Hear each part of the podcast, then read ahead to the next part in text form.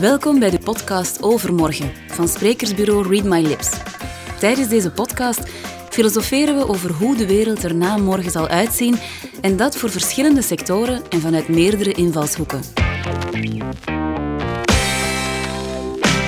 Hallo iedereen, welkom bij de wekelijkse podcast Overmorgen van sprekersbureau Read My Lips.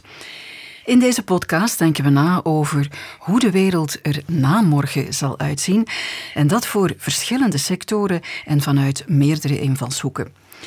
Vandaag praten we over de transitie in retail. Waar liggen de uitdagingen en de opportuniteiten?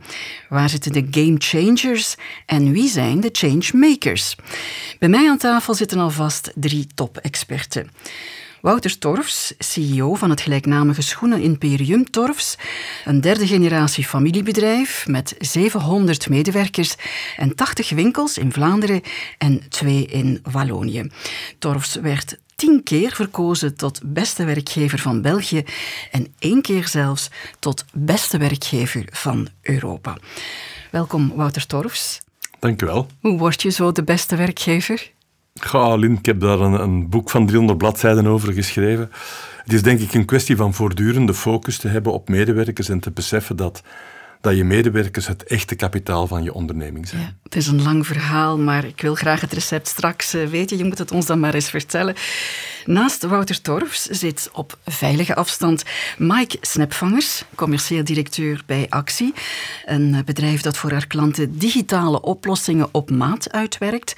Met andere woorden, Actie maakt retailers klaar voor de toekomst. Al meer dan twintig jaar is Mike de sparringpartner van grote retailers in de Benelux en adviseert hij op gebied van digitale strategie. In totaal heeft Actie 400 medewerkers en binnen de retail unit van Mike werken 80 mensen. Voornamelijk eh, analisten, ontwikkelaars en adviseurs, consultants zoals dat dan heet.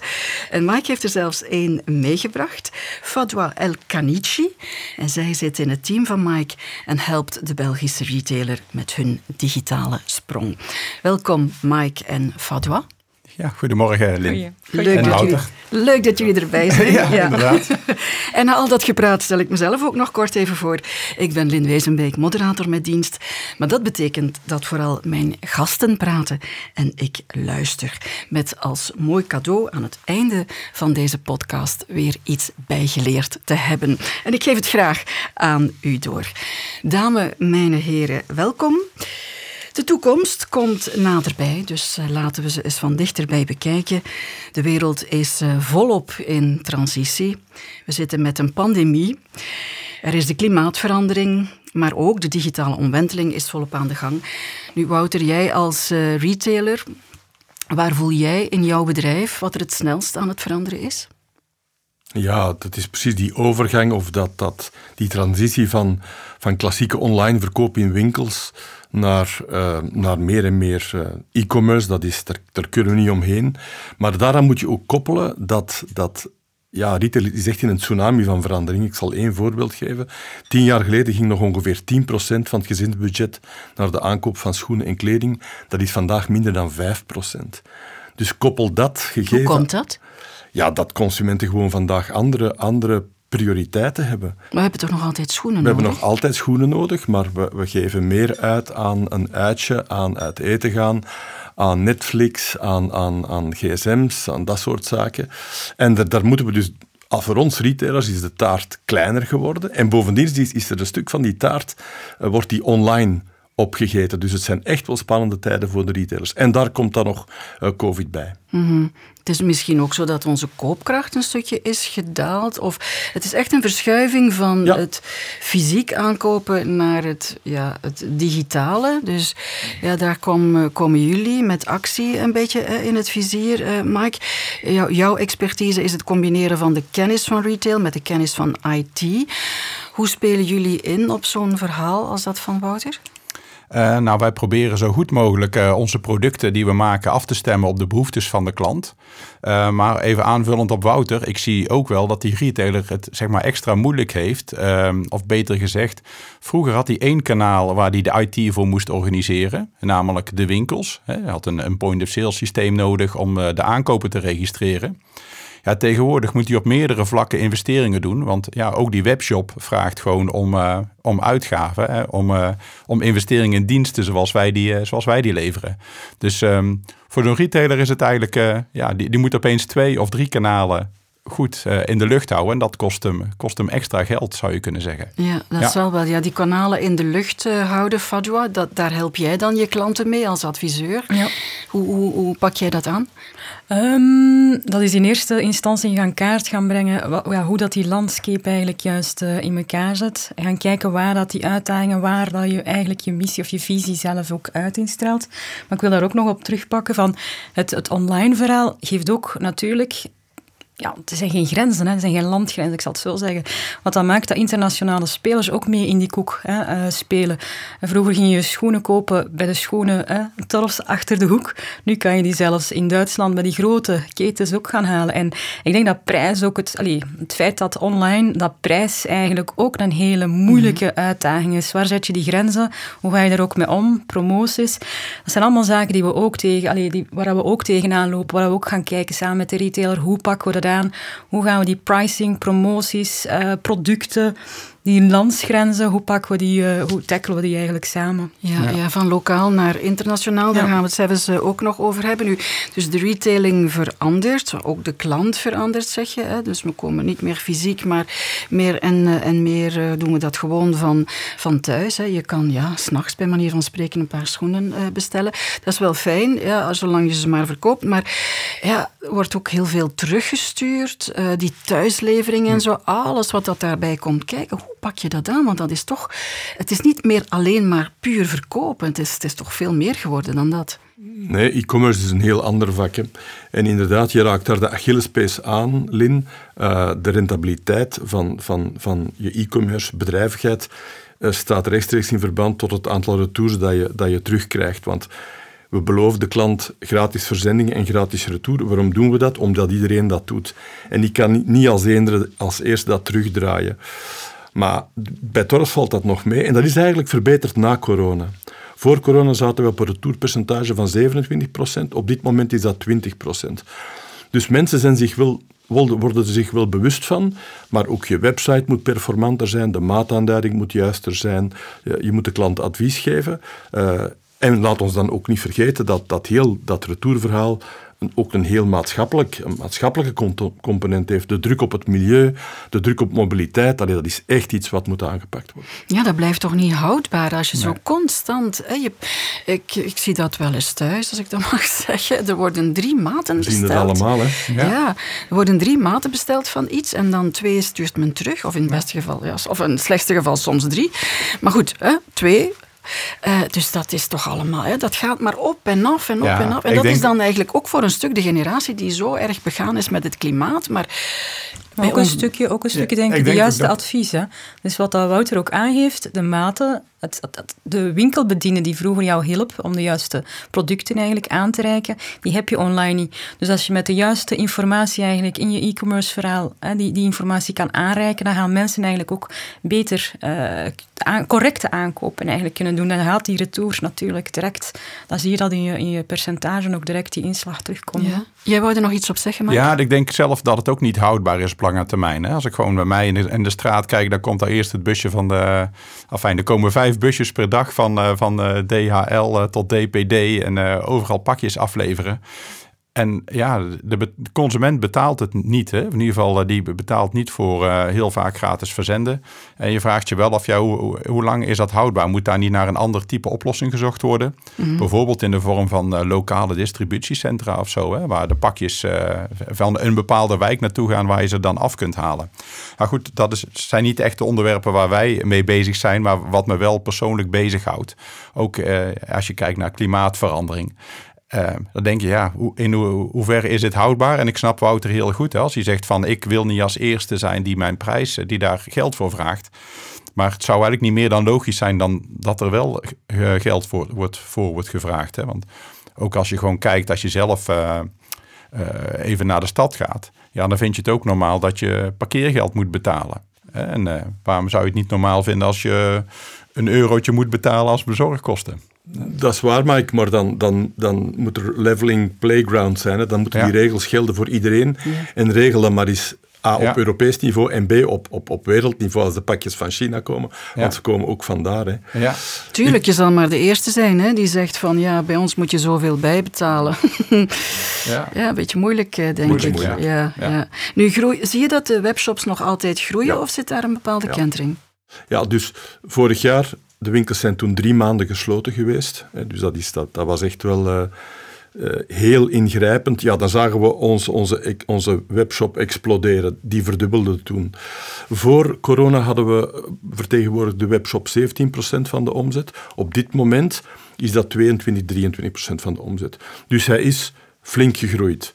Um, en je kan daar tevreden mee zijn, maar ik, ik, ik vrees dat de, de echte grote jongens dat dat double-digit groei is geweest. Dat dat veel groter is geweest dan de lokale spelers. Dus mijn bezorgdheid als Belgische retailer en ook als Belgische werkgever en, en, en belastingbetaler gaat er ook naar uit, en, en, en, jullie weten dat, dat er heel veel toegevoegde waarde over de grenzen verdwijnt, waar tegenover geen belastingen staan, geen investeringen staan. En dus die een oproep van koop lokaal, uh, ja, dat is, dat is denk ik ook zeer, zeer aan de orde geworden vandaag. Ja, dat koop lokaal, effectief, er is veel rond te doen. Want eigenlijk, als je kijkt in de, de straten van onze centrumsteden, soms is dat wel een triest beeld. Hè? Heel veel handelszaken staan te koop of te huur. Ja, welke evolutie zie je daar op termijn? Dat is echt zorgwekkend. Hè? Dus, dus het gegeven van, van dat, dat commerciële centra en, en, en provinciesteden dat die onder druk staan, dat was niet nieuw, dat was er voor corona ook. Dat had te maken, er zijn heel veel winkels verhuisd van de rand van de stad naar de periferie. Torfs is daar ook een speler van. Dat is één gegeven. En dan is daar bovenop dat effect van e-commerce gekomen. En dan is daar bovenop het corona-effect gekomen. Dus vandaag stellen wij vast dat onze winkels aan de rand van de stad behoorlijk gesteld zijn en op het niveau van 2019 draaien. Maar dus winkels op, op, in drukke straten, zoals op de Meer of, of de Veldstraat of in, shoppingcentra, daar stellen we nog altijd een achterstand van 20, 30 procent vast. Mm Heeft ook te maken met de mobiliteit voor een stukje. Mobiliteit, duur parkeren in de stad, moeilijk bereikbaar, gratis thuisverzend. Dus er zijn tal van factoren. Tal van factoren maar ik, vrees dat die commerciële aantrekkingskracht van onze, van onze zeker van onze kleinere uh, centrumsteden, uh, echt te lijden heeft. Ja.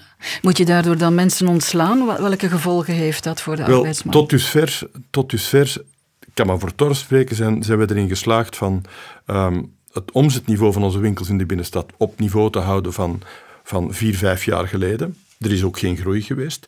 Dus er zijn op dat vlak geen ontslagen geweest. Maar er zijn natuurlijk wel aardig wat concurrenten gesloten en hier en daar ook failliet gegaan. Ik, ik herinner u het faillissement van Brantano. Er waren wel 120 winkels. Hè. Mhm. Dus um, dat is dus die verdringingsmarkt. Er moeten eigenlijk spelers verdwijnen om, om, om uw stuk van de, van de koek te houden. Anderzijds, allez, je moet niet alleen klagen en zagen. Het is voor de retailer ook enorm uitdagend om daarmee een, een, een, een mooi verhaal te komen. En heel het verhaal van Great Place to Work en maatschappelijk verantwoord ondernemen. Ja, ik merk wel dat dat ook aanslaagt. En dat dat de juiste richting is. Ja. ja, maatschappelijk verantwoord ondernemen, dan komen we eigenlijk al voor een stukje uit bij duurzaamheid. Dat is een van de buzzwoorden van de laatste jaren. Nu, duurzaamheid is, uh, is heel breed. Uh, het komt vaak dan in de betekenis van groen. Zo heeft Adidas nu bijvoorbeeld haar outdoor concept voor het eerst naar Europa gebracht, in München, in Duitsland. En daar is een eh, flagship store geopend waarin alles draait om duurzaamheid, digitalisering en de community. Nu, het sportmerk pretendeert alleen maar duurzame producten te hebben, onder meer gemaakt van gerecycled polyester. Er is groen aan het plafond, op de zuilen bij de kassa zijn groen gemaakt enzovoort. Alles moet dat buitengevoel versterken.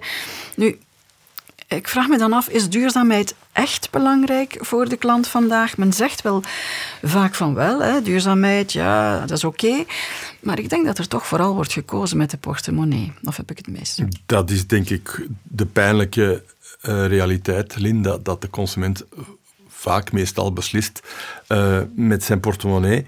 Uh, en er is een verschil tussen de politiek correcte burger en de, de economisch, meer economisch georiënteerde consument. Anderzijds denk ik, uh, dat is een tenden, tendens die ook op langere termijn moet bekijken. Je ziet toch ook dat er bij de jeugd iets verandert. Uh, je hebt ook zelf, vind ik, als burger maatschappelijk verantwoordelijkheid te dragen. Dus ik denk dat retailers die bezig zijn met de toekomst echt wel heel bewust moeten inzetten op duurzaamheid. En dan, dan in de breedste betekenis niet maar alleen... wordt dat echt door de consument gecontroleerd of het nee, duurzaam is? dat gebeurt vandaag niet, maar vind ik geen reden om het, om het niet te doen. Als je mm. vooruit kijkt, dan moet je misschien ook wat vooruitlopen op wat je consument vandaag nodig heeft. Um, omdat het signaal, denk ik, toch, toch meer en meer uh, gegeven wordt. Ja, dat zien we ook. Ja, uh, ja, als ik iets mag, mag aanvullen van een andere trend die wij wel zien, hè, in het verlengde van wat de consument doet, is dat die consument uh, ja, steeds meer zelf wil gaan doen steeds meer zelf doet. je ziet ook een eh, enorme opkomst ehm, in retail um, van self-checkout en self-scan. Dus waarbij je vroeger naar de winkel ging en je echt werd geholpen door, door iemand, zien we dat eigenlijk de, de consument eigenlijk zelf die rol pakt. die uh, in de winkel uh, scant hij zijn eigen producten. Uh, of moet pakken. Hè? Of moet, ja, of moet pakken. ja. en uh, fijn, de, je, je ziet daar, IKEA is daarmee begonnen, Decathlon volgde. Um, en nu zijn er in Nederland althans ja, veel meer winkels, Albert Heijn, Kruidvat, Hema, waarbij je ja, zelf je producten moet scannen als je op het eind van de journey bent. En zeg maar in het verlengde daarvan zien we nu iets ontstaan wat, in, wat door Colruyt is neergezet in België, de OK Compact. Ehm, ja, dat, je, dat er helemaal geen bediendes meer zijn in de winkel. Hè? Dus je, je komt binnen met je QR-code van je extra kaart. Je pakt je uh, producten uit, uh, uit het schap. Uh, ja, en je rekent die af en je gaat naar buiten. Hè. Dat is toch wel um, dat is een tendens die we zien, is dat die consument veel meer zelf wil en zelf in, in regie wil zijn over wat hij doet. Ja, zo kan je het bekijken. Het is natuurlijk ook soms handig, maar aan de andere kant staan we toe toch te zeggen ook een beetje een verschraling van ja, ons sociaal weefsel vroeger. Hè, we hadden het al over het lokaal uh, of het winkelhieren. Hè. Dan had je toch het contact tussen, al was het maar, ik praat graag nog eens met iemand aan de kassa mm -hmm. in de supermarkt. En inderdaad, men vraagt nu van ons om het allemaal zelf te doen, of het dan de supermarkt is bij een bank of, of wat dan ook. Maar ik, ja, ik vind daar toch ook een, ja. een verschraling ja, in, dat, nee? dat, dat, klopt wel. Het geeft wel de, de, het geeft de consument een gevoel van uh, dat hij uh, ja, dat hij macht heeft, zeg maar. Of ja, dat hij zelf in charge is over de snelheid waarmee die wordt geholpen. Ja, maar, ik denk niet zozeer van trek je plan. Ik denk dat dat ook meer echt naar generaties die daar gewoon zelf graag sneller willen beholpen worden en geen lijnkassa willen aanschuiven. Ik denk dat COVID ook een push heeft gegeven van ik raak alleen maar aan wat ik wil. En, um, ja, dat ik, snap ik wel. Maar tegelijkertijd, als er dan een, als allemaal goed als er geen problemen zijn. Ja, maar ja, heb je een probleem en je probeert iemand te bereiken, krijg je ofwel een computer of, een, of moet je een e-mail sturen. Je kan zelfs bijna bij sommige bedrijven, of bij veel bedrijven, gewoon je telefoon niet meer pakken. Mensen aan de lijn krijgen, echt een probleem melden. Ja, daar ben ik misschien klink ik nu heel oud, maar ik vind dat een probleem. Ja. Ik vind dat ook een probleem, ja. Um, we moeten ons denk ik echt de vraag stellen, is het dat wat we willen? Hè? Voilà. Als ik zie ja. hoe dat een supermarkt in een, in een dorp toch nog een, een, sociaal punt is, waar mensen die, die niemand zien dan nog, nog even een babbeltje kunnen hebben, waar ook mensen te werk gesteld zijn, waar dat je nog eens een vraag kan stellen over een product. Uh, is dat dan de, de, de, de brave new world waar dat we naar verlangen? Nee, uh, ik, denk, ik, niet, ik denk een combinatie. Nee. Ik denk ja. dat je echt gaat moeten kijken naar een combinatie. Dat, de bediende, dat je wel bedienden in de winkel moet hebben, maar dat die eigenlijk een andere rol gaan, eigenlijk gaan spelen. Hè. Dat sociaal contact, het advies, maar dat die eigenlijk zich niet meer achter de kassa staan, maar dat die meer in de winkel staan. Dat ja. ze de mensen kunnen helpen. Ja. En dat die eigenlijk echt een experience of een journey in de winkel zelf kunnen meegeven. Ja, Mike? Nee, ja, de, helemaal mee eens. Hè. Dat zien wij ook, dat, dat uh, bij, bij onze klanten, dat die zeggen, ja, we willen eigenlijk die, uh, die bedienden willen wij eigenlijk achter de kassa vandaan hebben. Wij willen dat ze op de winkelvloer zijn, um, ja, om met de mensen te praten en om daar um, ja, de, te helpen en te adviseren. En dat betekent, ja, voor, als ik het dat dan trek naar ons, dat wij daar de juiste tooling voor, uh, voor moeten bieden. Hè, dus dat we ze de juiste producten geven om die rol te kunnen vervullen. Ja. Ja. Wouter, ik kom nog even terug bij jou. Ehm, ga jij bijvoorbeeld als retailer een samenwerking aan met andere retailers, uh, net om die duurzaamheid, hè, waar we het net over hadden, te bevorderen? Zo is er in Nederland bijvoorbeeld een samenwerking tussen Dille en Camille, mm -hmm. uh, dat glazen potten levert aan Ecoplaza, dat dan vooral gezonde voeding verkoopt, mm -hmm. maar zonder verpakking. Dus om een beetje ja, die plasticvrije keuken in dit geval te hebben. Mm -hmm. um, kan een dergelijke samenwerking voor jullie ook? Ik denk dat um, een van de, van de strategieën om als lokale retailer te overleven, dat je moet partneren en dat je moet synergie zoeken met, met, met, met andere spelers. Uh, wij doen dat ook absoluut. Ik geef één voorbeeld. We zijn betrokken in het, het cultproject uh, in, uh, in Antwerpen van, van Alex van Bredam. En dat gaat over last mile delivery, waar we het er juist hebben over gehad. Dus men, men huurt of bouwt een aantal depots rond de stad Antwerpen. En een aantal grote retailers zoals Torfs, maar ook Deleuze en nog een aantal grote, die pakken het engagement om al hun pakjes naar die, naar die uh, depots te brengen. En van daaruit wordt het op een groene een elektrische manier uh, bezorgd aan, aan, aan de klanten binnen de stad. Dus dat is, zo, dat is zo'n voorbeeld van samenwerking ja. waarin dat je rond, rond duurzaamheid... dark stores eigenlijk werkt. meer, dat je dan... Ook het aankomen, ja. aankopen van groene energie bijvoorbeeld, dat doen we samen met Colruyt, omdat we dan, dat, dat we dan sterker staan. Um, samenwerken met leveranciers, zeker heel, zeker op vlak van product. Veel leveranciers die, die vegan producten leveren of die ecologische producten leveren, zijn ook nog niet gekend op de Belgische markt. Uh, als je dat puur op, op marge en rentabiliteit afrekent, dan zal dat nooit niet lukken. Maar door, door op lange termijn een partnership te ontwikkelen en een win-win te maken, breng je toch zaken in beweging. Het zal wel moeten ook, denk ik, op termijn. Moeten. Ik zag jou uh, ja, heel ik, heftig knikken, Fadua. Ja, dat klopt. Dat is inderdaad dat samenwerken en die dark stores die meer en meer oppoppen. Dat ze eigenlijk... En wat bedoel je dan precies met die dark stores? Dark stores, dat zijn eigenlijk depots inderdaad, kleine mini-depots die eigenlijk zo strategisch worden ingezet om die snel, die flitsbezorgers eigenlijk te kunnen bedienen. Dus uh, dat je, de, je, je dichter eigenlijk lokaler gaat zetten, in plaats van één centraal centrum, uh, dat je die een beetje verdeelt over je, over je, ja, over je geografische klantenbestanden.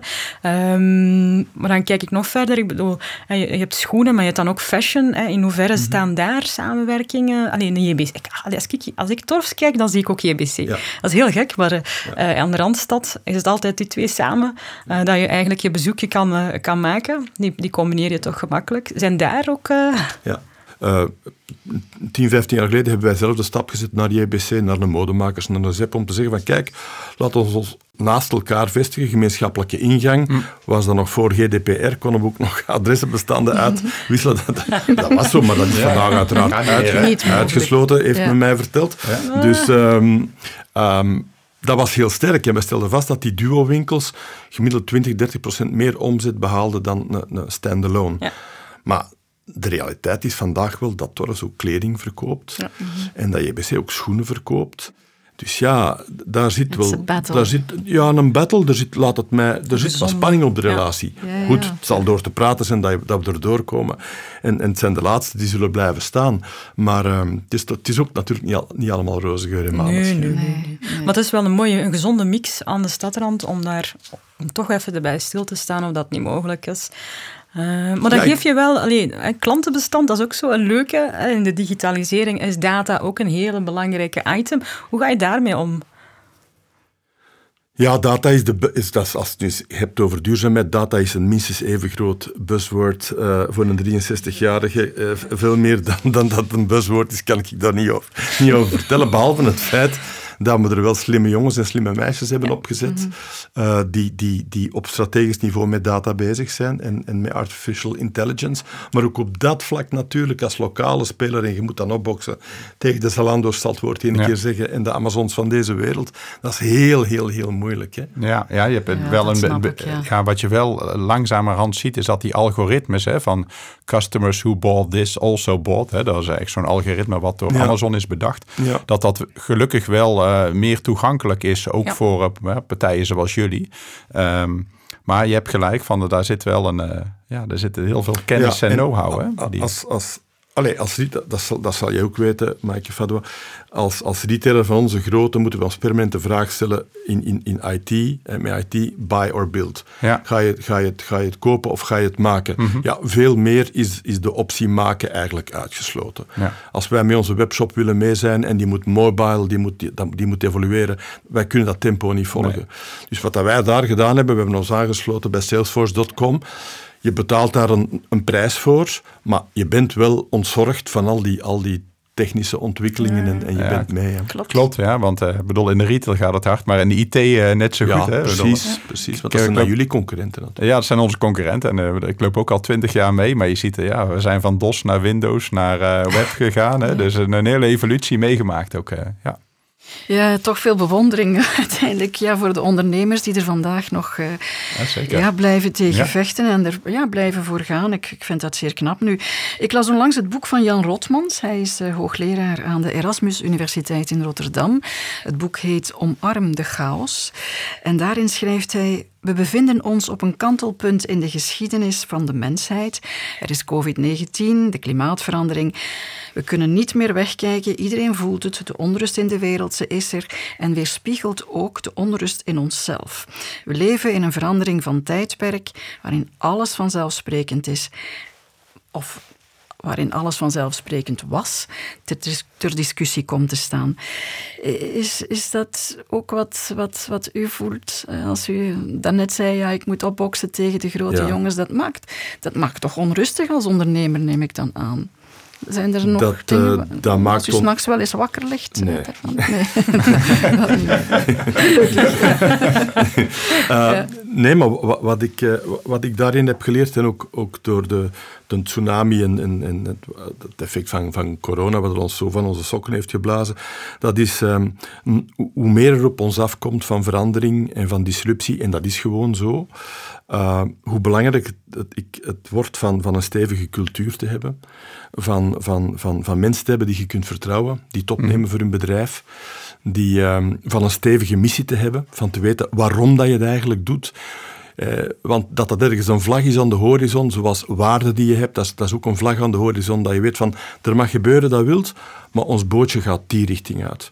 En wie zal ervoor zorgen? De mensen die hier aan boord zitten. En waarom gaan die mensen dat doen? Omdat die elkaar graag zien, omdat die hun bedrijf graag zien, en dat die weten dat ze samen zullen doorgaan. En dat Mooi, ze gewaardeerd worden. En dat ze, dat ze meer dan gewaardeerd worden, graag gezien worden. Ja, maar dan weten we toch een beetje het geheim achter jou, eh, daar waarom je tien Ja, jaar... ik word eh, er misschien wat emotioneel over, maar ik ben daar zeker van. Ja. Ja, Dus, en degene die op elke verandering proberen te anticiperen en van links naar rechts en elke hype en, en, en dan die richting en die richting en dan nog eens een reorganisatie en nog eens een nieuwe crisismanager.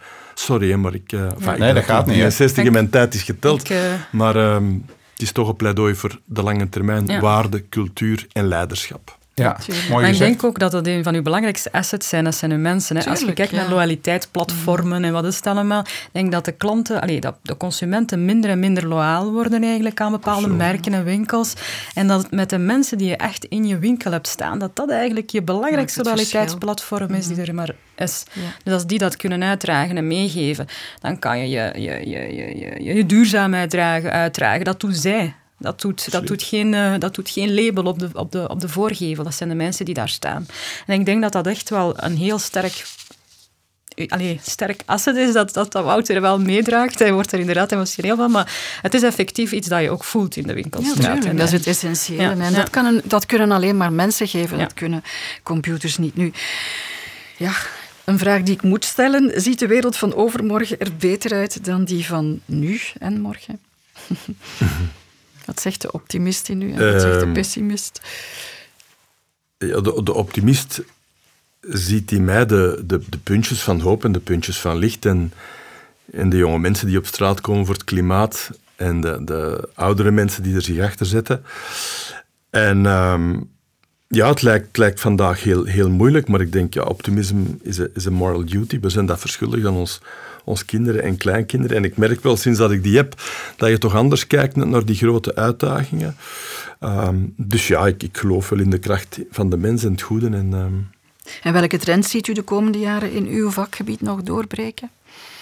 ja, ik denk dat die, die, die uh, shift naar, naar online, dat dat nog niet voorbij is. Ik denk dat de trend, de trend van duurzaamheid uh, ook, ook heel belangrijk is.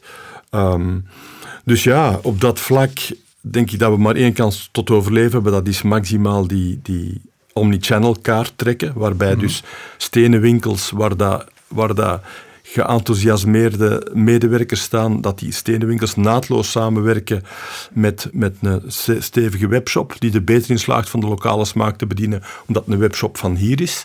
Um, en die staat voor bepaalde waarden, waarvan je weet, de mensen die daar werken worden correct betaald en, en, en die werken niet in zwart, want dat is nu ook allemaal nieuws geweest, maar ook eens een keer gezegd worden. Uh, ja, dat je er toch nog blijft staan als, als lokale speler. Ja. ja. Goed, wat zijn jullie persoonlijke wensen dan nog voor de komende jaren, Mike?